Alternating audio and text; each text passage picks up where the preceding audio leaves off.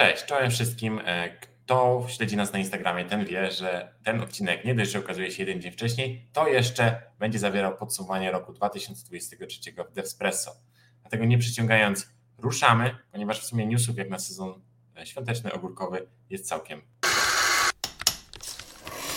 Devspresso.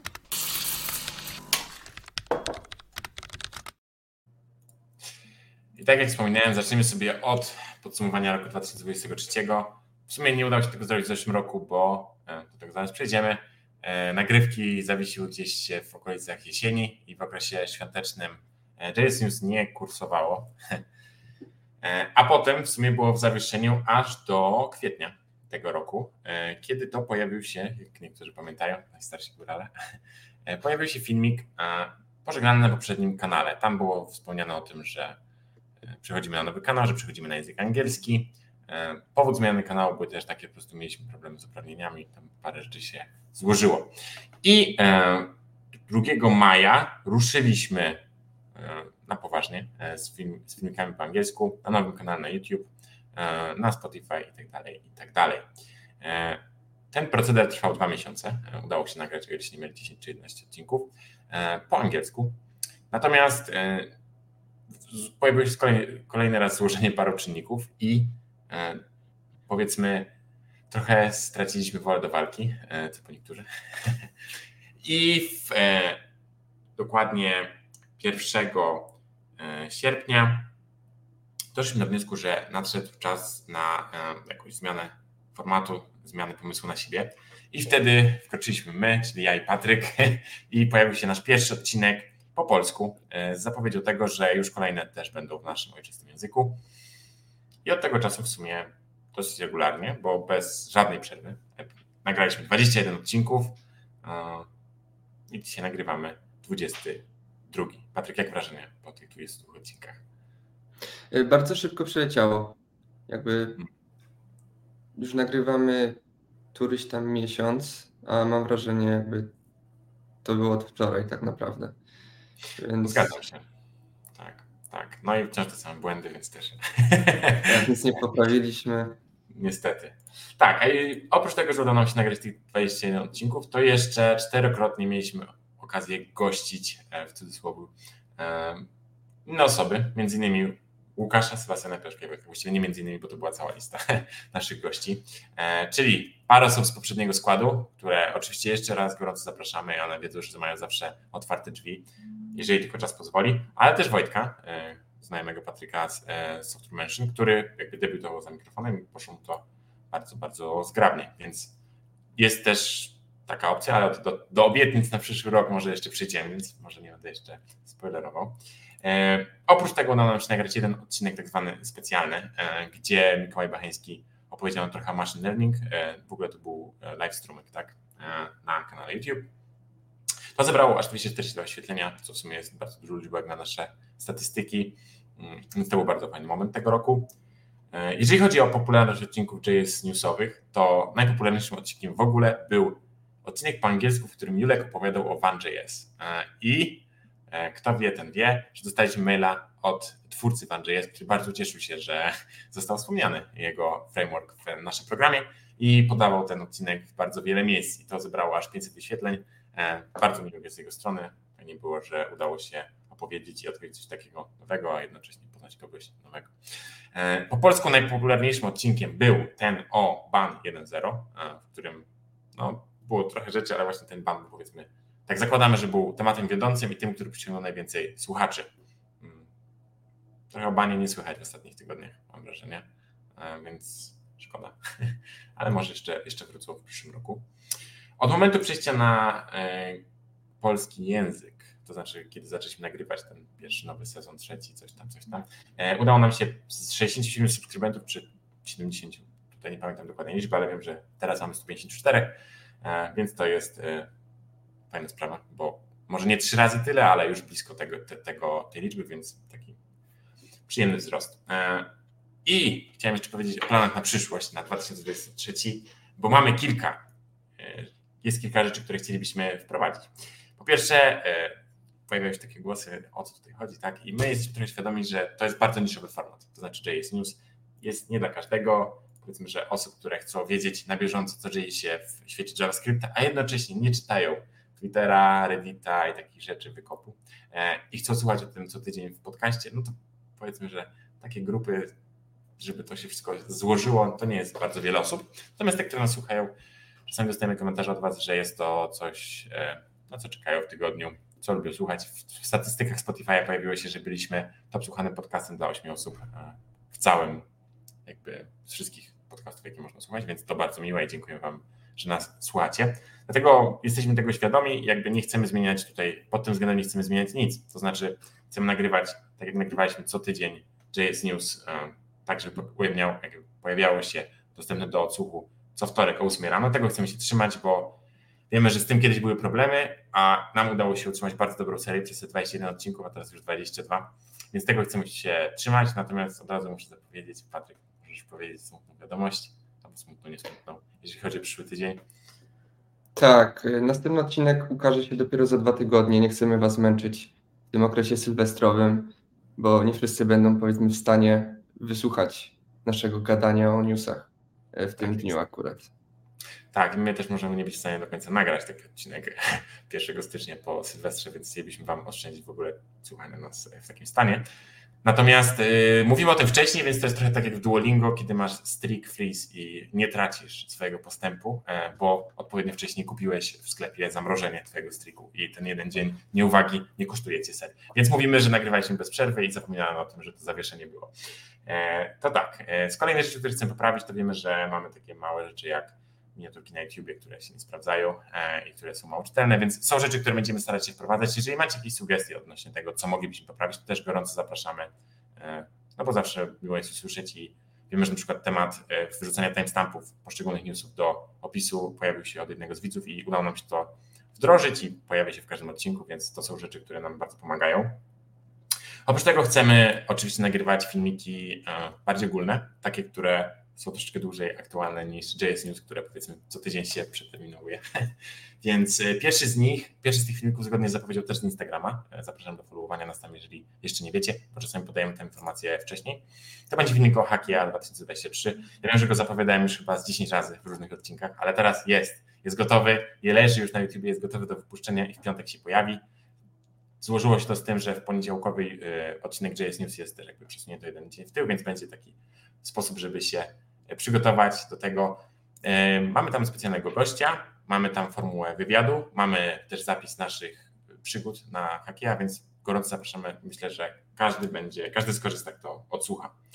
Oprócz tego w niedługiej przyszłości chcemy nagrywać właśnie więcej takich e, materiałów. Mamy kilka pomysłów. Jeden z nich prawdopodobnie to będzie e, jakby zmaterializowanie się pomysłu, w którym, w którym może idei, w które ja i Patryk wierzymy, building the open albo też learning the open, tak? E, Patryk, in the public. A, in the public, sorry. Albo in the open. No w sumie wychodzi na to samo. Tak, ale możesz przedstawić, e, na czym to polega i dlaczego. Mm, dlaczego znaczy, tak?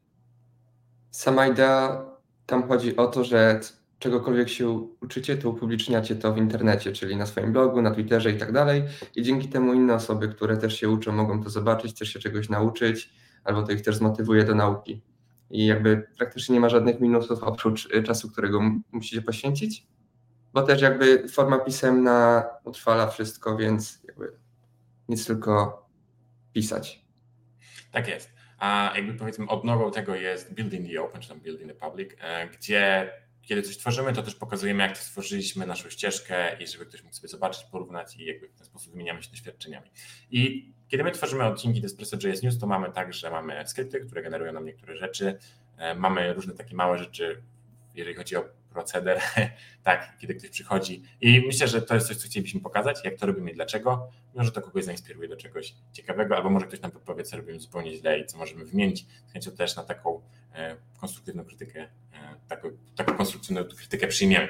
Więc mam nadzieję, że to się pojawi też gdzieś na początku roku. No, oprócz tego, tak jak mówiłem, niezmiennie JS News będzie się pojawiało co wtorek o 8 e, rano. Czy jeszcze masz, Patryk, coś do dodania, jeżeli chodzi o podsumowanie roku 2023? No nie powiedziałeś, że połowa subskrybentów to są kupione konta z Indii, i, a druga część to są nasi, nasi znajomi i rodzina, którzy, których zmuszamy, żeby odtwarzali to. Może aż tak nie jest. E, chociaż może po niektórych. Wiem, że są osoby, które daje, jakby używają Despresso w związku z tym, że są niezaznajomione z tematem JavaScriptu, używają go jako środka nasennego JSON. Więc to też jest jakaś metoda, tak? Nie, nie, jeżeli działamy na ten, w ten sposób, to czasami można użyć narzędzia w nie, jakby nie tak, jak zostało przeznaczone nie tak jak zostało stworzone, niezgodnie z przeznaczeniem, ale w efektywny sposób. I to właśnie jest pewnie ten, ten przypadek. Dobra, to zamykając podsumowanie, bo nam aż 10 minut na nim. E, mam nadzieję, że w związku z tym, że po pierwsze odcinek jest jeden dzień wcześniej, a po drugie macie okres świąteczny, no to skorzystacie z tego i odsłuchacie ten dłuższy odcinek. Przechodzimy do newsów, bo tak jak mówiłem, jest ich kilka. I Patryk, otwierasz e, temat z już żwawo i dynamicznie z React Aria Components. Tak, w wersji pierwszej, bo React Aria jak po niektórzy pewnie kojarzą, już istnieje od dłuższego czasu. I dopiero teraz, po roku intensywnych prac, release został nazwany jako General Availability, czyli jest już powiedzmy, przetłumaczając na polski ogólnodostępny, mimo że dostępny już wcześniej był, ale to oznacza, że mamy ponaprawiane wszystkie rzeczy, wszystko jest stabilne i tak dalej, i tak dalej. Mm, I czym w ogóle jest ta biblioteka? Bo React Aria skupia się bardzo, bardzo na accessibility, czyli powiedzmy na tym, żeby osoby z niepełnosprawnościami, które przeglądają internet troszkę inaczej niż tacy zwykli użytkownicy, mieli dostęp do wszystkiego, mogli się łatwo poruszać i wszystko było mm, dobrze pod kątem integracji z ich screen readerami, prawda? Więc React Aria tym się też zajmuje i komponenty używają ich hooków i to pozwala na budowanie interfejsów, które są właśnie accessible i pozwala to też na budowanie design systemów, bo ta biblioteka nie ma jakby swojego stylowania, tylko możecie używać takiej biblioteki, jak, jakiej chcecie. Podobnie działa Radix tak naprawdę, tak? Tylko, że tu mi się mhm. wydaje w przypadku React Aria oni też tak bardziej się promują jako, jako właśnie taką um, bibliotekę pod kątem accessibility. Jakby Pochodną biblioteką z tego, co kojarzę, jest React Spectrum, które jest, które jest implementacją designu Adobe, więc to już gdzieś tam sobie istnieje na produkcji na pewno. I w tej wersji, która jest powiedzmy mm, no, podsumowaniem całych prac, bo jakby tu dużo rzeczy nowych nie ma, ale z tej okazji tego release'u mamy odświeżoną stronę, która jest mega fajna, bo ma interaktywne przykłady na stronce. To nie są zdjęcia, tylko sobie klikacie na checkboxy, na to, na tamto i wszystko super działa z klawiaturą. Screen readerem nie patrzyłem, ale podejrzewam, że też. E, wszystko jest tam dociągnięte. Mamy możliwość ściągania e, storybookowych e, plików, tak zwanego starter kitu, który rozumiem, że potem się jakoś w storybooku załącza i macie już powiedzmy całą mhm. listę komponentów, z którymi może, możecie się bawić, testować i zobaczyć, jak w ogóle wyglądają więc spoko, żeby sobie zobaczyć w ogóle z czym się je tę bibliotekę i co można z nią zrobić. Mm, mamy wbudowane dyrektywy Use Client pod kątem React Server Components, mamy poprawiony plugin do Tailwindu i w sumie biblioteka zawiera około 40 komponentów, które tak jak mówiłem są w pełni kompatybilne z wszystkimi jakby możliwymi stylowaniami i są super pod kątem accessible.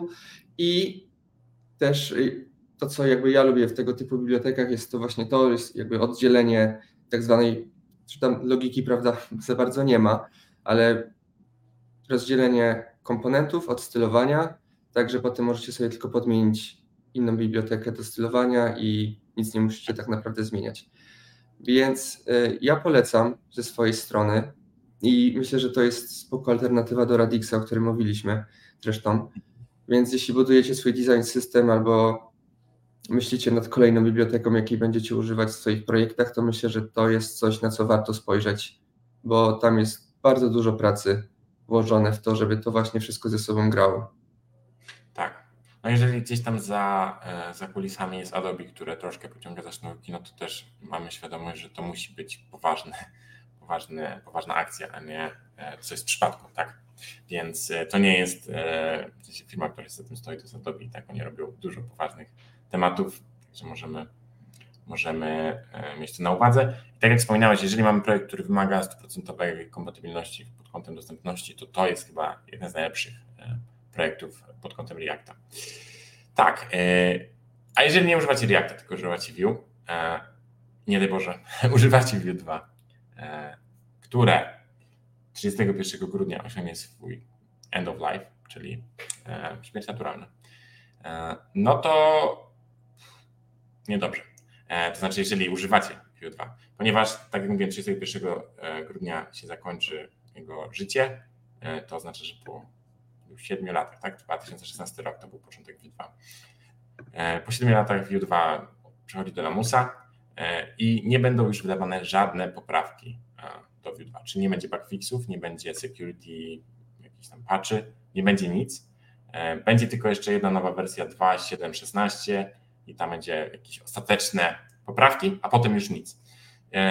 To też oznacza, że rzeczy, które są jakby zapewniane przez Vue, czyli oficjalne paczki stylu Vuex, Vue Router, one nie będą też już wspierały Vue 2. I co, i w sumie tyle. Oczywista motywacja, nie są, twórcy nie są w stanie utrzymywać Vue 2 i Vue 3 jednocześnie, mam ograniczony czas. E, jakby udaje się większość aplikacji przemigrować już na Vue 3, więc to Vue 2 też odchodzi powoli do lamusa naturalnie.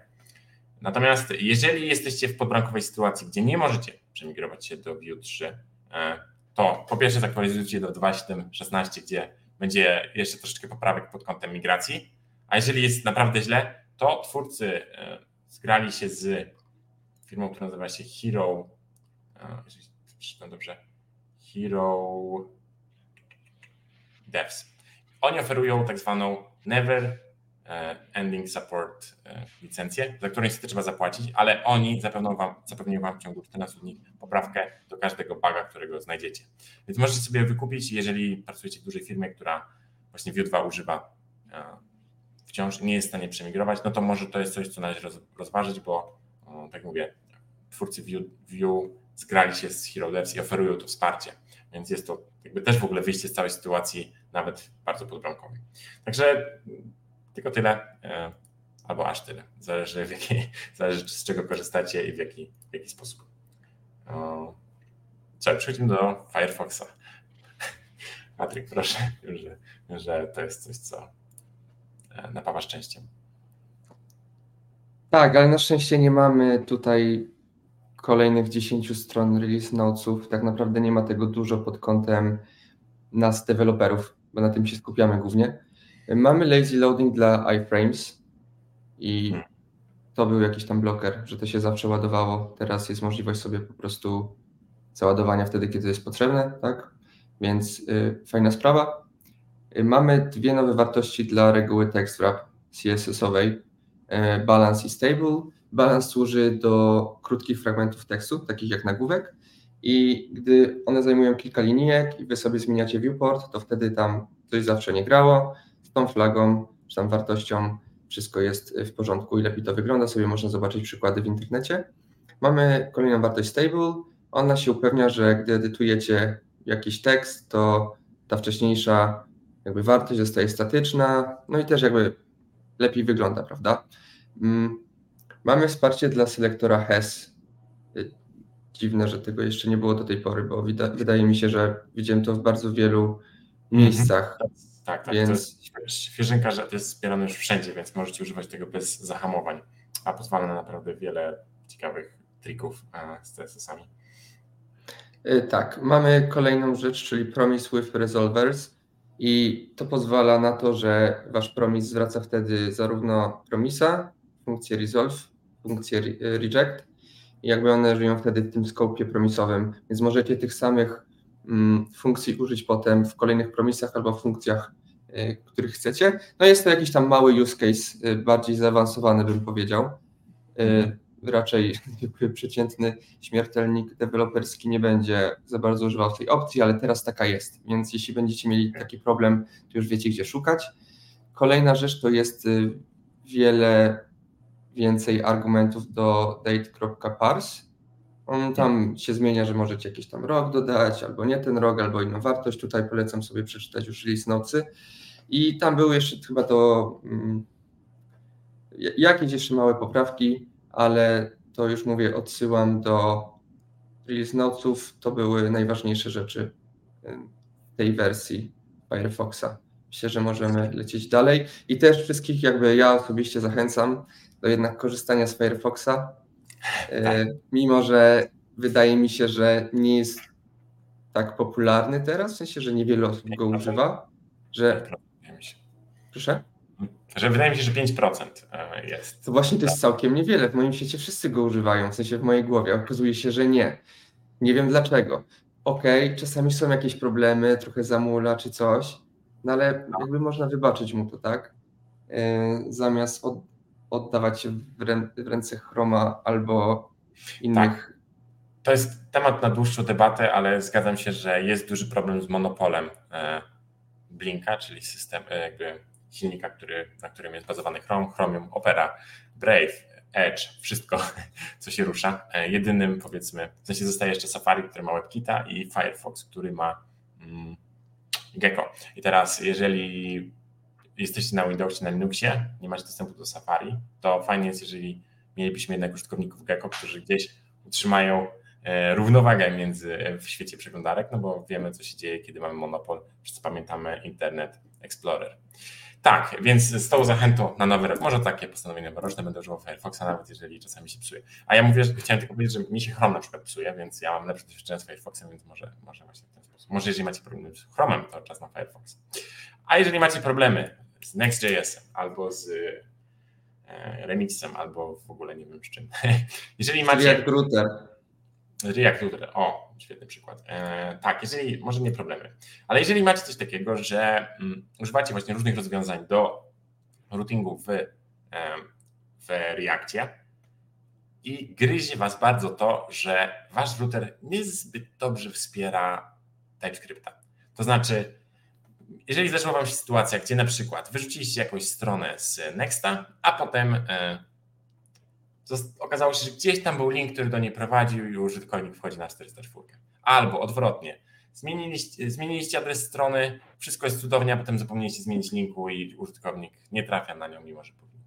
No jeżeli to brzmi jak wasze doświadczenie, to odpowiedzią na te wszystkie problemy jest StanStack Router, który jest w pełni type safe.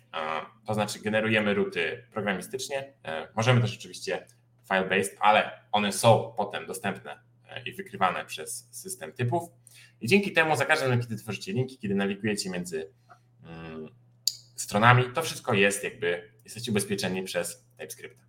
Także to jest super sprawa, która pomaga w bardzo wielu wypadkach, w szczególności wyłapuje te małe, głupie błędy.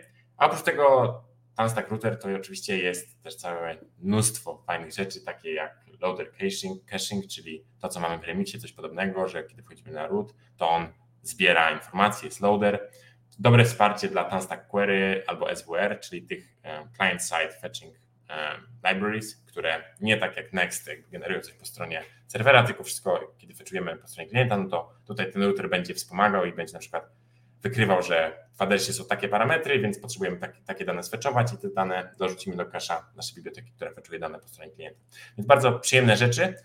Tak jak mówiłem, właśnie Search Param API też jest e, super otypowane i wszystko jest naprawdę przyjemne do użycia.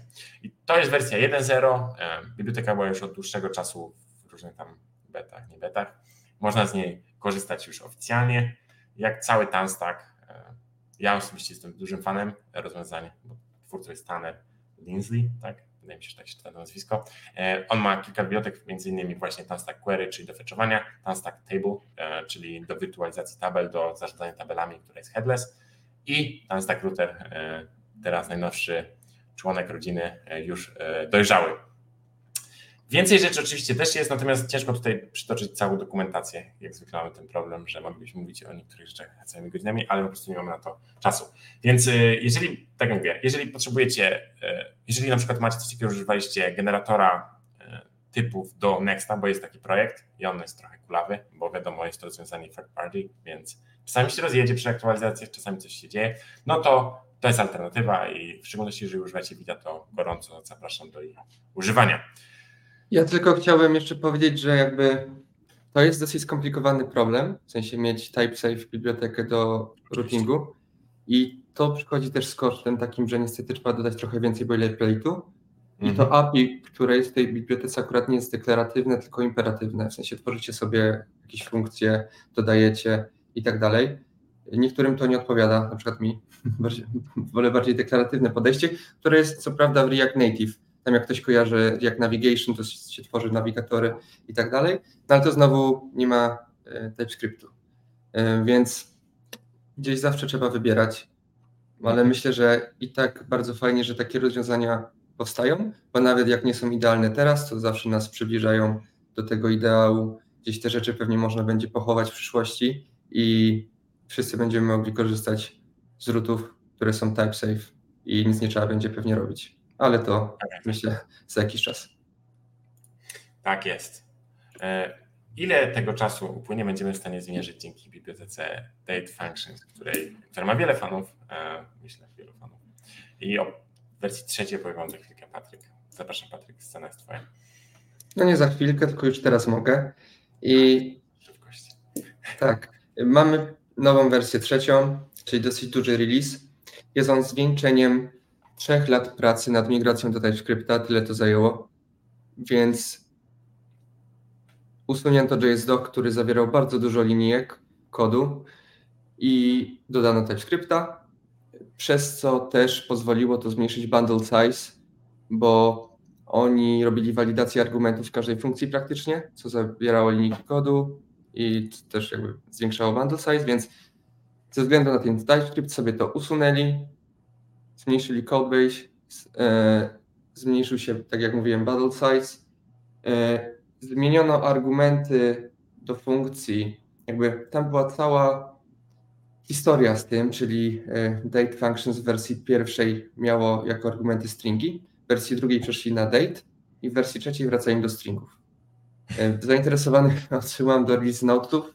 Chodziło o de developer experience. Okazało się, że jednak deweloperzy popełniają te same błędy, bo i tak wrapują te stringi w, w data, które są niekoniecznie poprawne, co tworzy bugi, ale to już mówię, wysyłam do dokumentacji i do release notesów. Mm, mamy wsparcie dla rozszerzeń y, obiektu date, czyli na przykład UTC date. Y, mamy wsparcie dla ES modules. W wersji czwartej usuną CommonJS. Teraz jakby będzie i to, i to.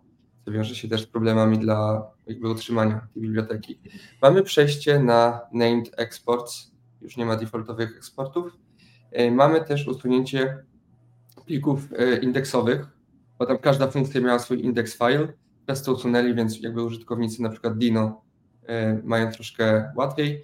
Mamy a propos przeglądarek koniec wsparcia dla Internet Explorer. Więc to, to też myślę, że znaczy nie wiem ilu użytkowników dotyczy ta zmiana. Jeśli chodzi o Date FNS albo Date Functions, to ja miałem taki problem zawsze z tą biblioteką, że niestety dosyć dużo zajmowała rozmiarowo. I okay. na przykład są alternatywy jak Day.js chyba, które są znacznie, znacznie mniejsze. I cieszy mnie to, że autor ma tego świadomość, jakby stara się być też kompetytywny z tymi innymi bibliotekami i jakby, prze, jakby używa swoich resursów, żeby właśnie zmniejszać ten bundle size. I myślę, że to też są jakby ważne kroki ku temu bo on się zmienił teraz i jakby te wszystkie zmiany pozwalają, żeby się zmieniał też w przyszłości e, na mniej. Okej. Okay. No ja jestem akurat